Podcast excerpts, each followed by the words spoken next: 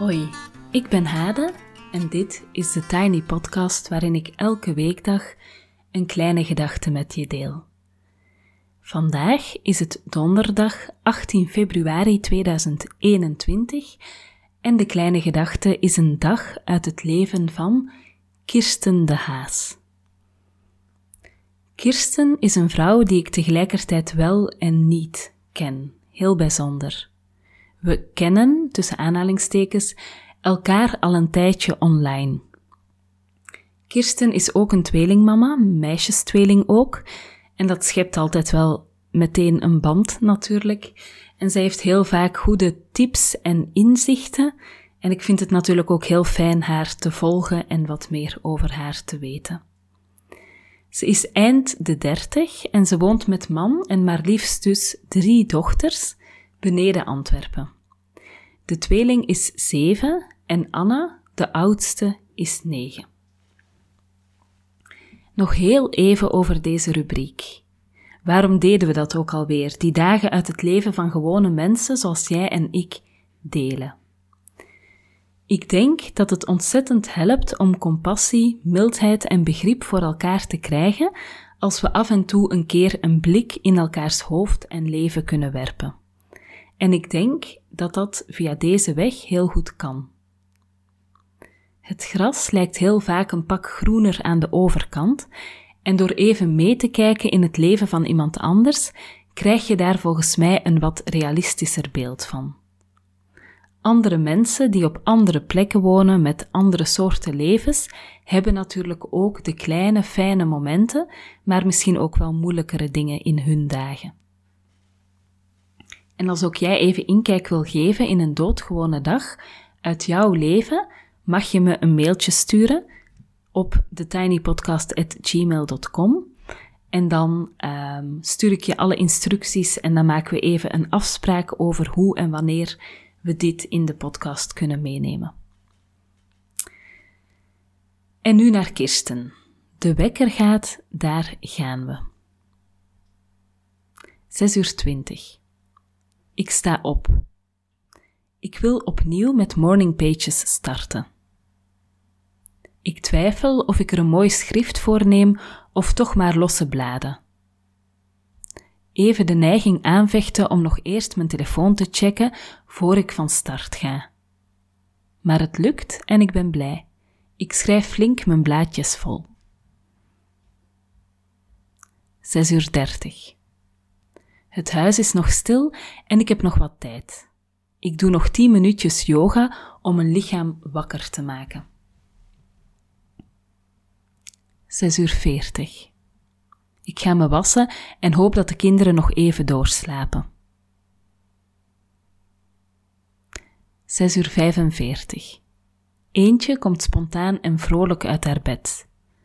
Dat is uitzonderlijk. Ze stelt voor om mijn koffie te maken. Klein gelukje. 7 uur 15. De twee andere en vader zijn helaas niet uit bed te krijgen. You can't have it all. 8 uur. Chaos aan de voordeur. Te veel fietsen op een hoopje en te weinig plaats. Er zijn fietsen die omvallen en het fietspad blokkeren. Wakkertje van vanochtend wil echt niet naar school en gaat luid en huilend in protest. De oudste ergert zich hoorbaar, weer al drama, en de derde ondergaat het geduldig, wat ik plots opmerk en me tussen de zenuwen door toch ook een zweempje trots laat voelen. Het gehuil gaat intussen door. Ze kan maar niet beslissen of ze zelf wil fietsen of zich toch nog in het kleine stoeltje achterop mijn fiets wil wringen. Ze probeert haar fiets, blokkeert, stapt naar mijn fiets, blokkeert weer, doet dan haar schoenen nog eens uit en aan. Dit alles nog steeds op twee vierkante meter, terwijl er langs ons huis voortdurend voorbijgangers passeren. Na ruim tien minuten huilen, twijfelen, blokkeren en touwtrekken, kunnen we eindelijk vertrekken. De oudste is inmiddels al lang op haar eentje naar school. Kleintje blijft huilen op de fiets. Geen zin, te moe, haar schoenen zijn te lastig. Ze wil gewoon rusten en thuis blijven. Ik twijfel. Wat moet ik doen? Ervan uitgaan dat het wel zal beteren naarmate de dag vordert, of haar nood aan rust herkennen en haar mee naar huis terugnemen. Aangekomen bij de schoolpoort draait ze haar knop om, droogt haar tranen en vraagt of ik nog kan zien dat ze gehuild heeft. Ze zegt: Ik weet niet waarom ik ween, maar kan gewoon niet stoppen. Ik bewonder haar zelfreflectie en besef dat ze ondanks alles toch doet wat ze kan. Weer voel ik een vleugje trots, ook jegens mezelf, want ik ben bij alles best kalm gebleven. Maar ik ben ook moe, na bijna twintig minuten non-stop gehuil en ingehouden emotie. Ik hoop dat ik haar genoeg gesteund heb. 8 uur 30. Ik ben terug thuis. Ik mag vandaag voor het eerst officieel drie uur thuiswerken. Een nieuw verworven privilege, zalig. Het is mijn eerste werkdag na vijf weken verlof en ouderschapsverlof. In die periode ging ik tweemaal op bezoek op het werk. Als buitenstaander observeerde ik een paar dingen die, van op afstand, echt absurd leken. Het tempo dat we er op het werk op nahouden, bijvoorbeeld. En geen ruimte om het in vraag te stellen. Dus ik wil starten met een frisse blik en waar mogelijk wat nieuwe gewoonten. Mijn week begint met een voormiddag thuiswerk. Ik durf mezelf toe te staan te beginnen met een half uurtje tijd om vakliteratuur te lezen. Het lijkt al een eeuwigheid geleden dat ik daar binnen de werkuren toekwam. 11 uur 30. Klaar met werken. Nog een kwartiertje voor ik de kinderen van school ophaal. Gouden kwartiertjes die ik vroeger inefficiënt vond, maar de laatste tijd steeds meer weet te appreciëren. Een kwartiertje om de overgang te maken en mijn gedachten voor mezelf te hebben. Om alvast de tafel te dekken en iets lekker op hun bord te leggen. Maakt voor hen de overgang zo dadelijk ook wat makkelijker. 12 uur tot 13 uur 30. Middagpauze met de kuikens. Zoals altijd met veel lawaai en de nodige ups en downs. Ik breng de kinderen terug naar school en ga zo efficiënt mogelijk winkelen om daarna zo lang mogelijk tijd voor mezelf te hebben. 14 uur 15 tot 15 uur. Even checken. 75 minuten voor mezelf. De kunst is om niet te bezwijken onder de zelf opgelegde druk, om dit moment zo nuttig mogelijk in te vullen. Wil ik iets leuks doen, iets nuttig of toch gewoon rusten? Mijn relatie met tijd kwam sinds de geboorte van de tweeling flink onder druk te staan. En dit probeer ik terug te draaien, maar valt me niet altijd zo makkelijk. Tijd is alles wat ik heb, las ik laatst ergens, en dit probeer ik regelmatig tegen mezelf te herhalen. Uiteindelijk vult de tijd zich vanzelf. Ik schilder een kaart voor iemand die wat lieve woorden verdient.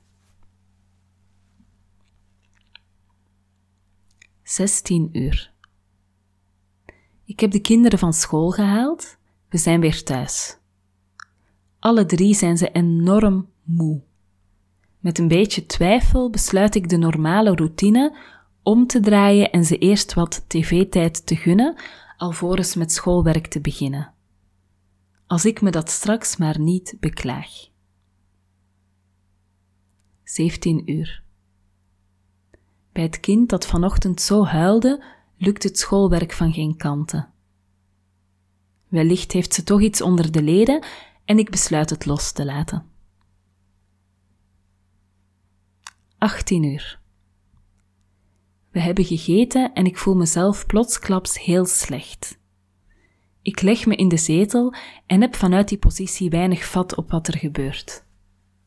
Vanaf ze voelen dat je liever niet opstaat. Een moment laat ik me gek maken en roep ik van frustratie van onder mijn deken. Ik herpak me en we kruipen met z'n drieën onder de dekens. De man komt net op tijd thuis om me te verlossen en de kleintjes in bed te stoppen. Ik begin me af te vragen of mijn symptomen onrustwekkend zijn en ik de dag nadien wel zou kunnen en mogen gaan werken. Coronatwijfel. Vreselijk vind ik dat. 20 uur. Als de rust beneden is weergekeerd, kijken de oudste en ik samen nog wat tv. Ons dagelijks momentje met z'n tweetjes. Wanneer het ook voor haar bedtijd is, dekt ze me onder en fluistert me toe: Blijf jij maar lekker liggen, mam, lees morgen gewoon een dubbel verhaaltje.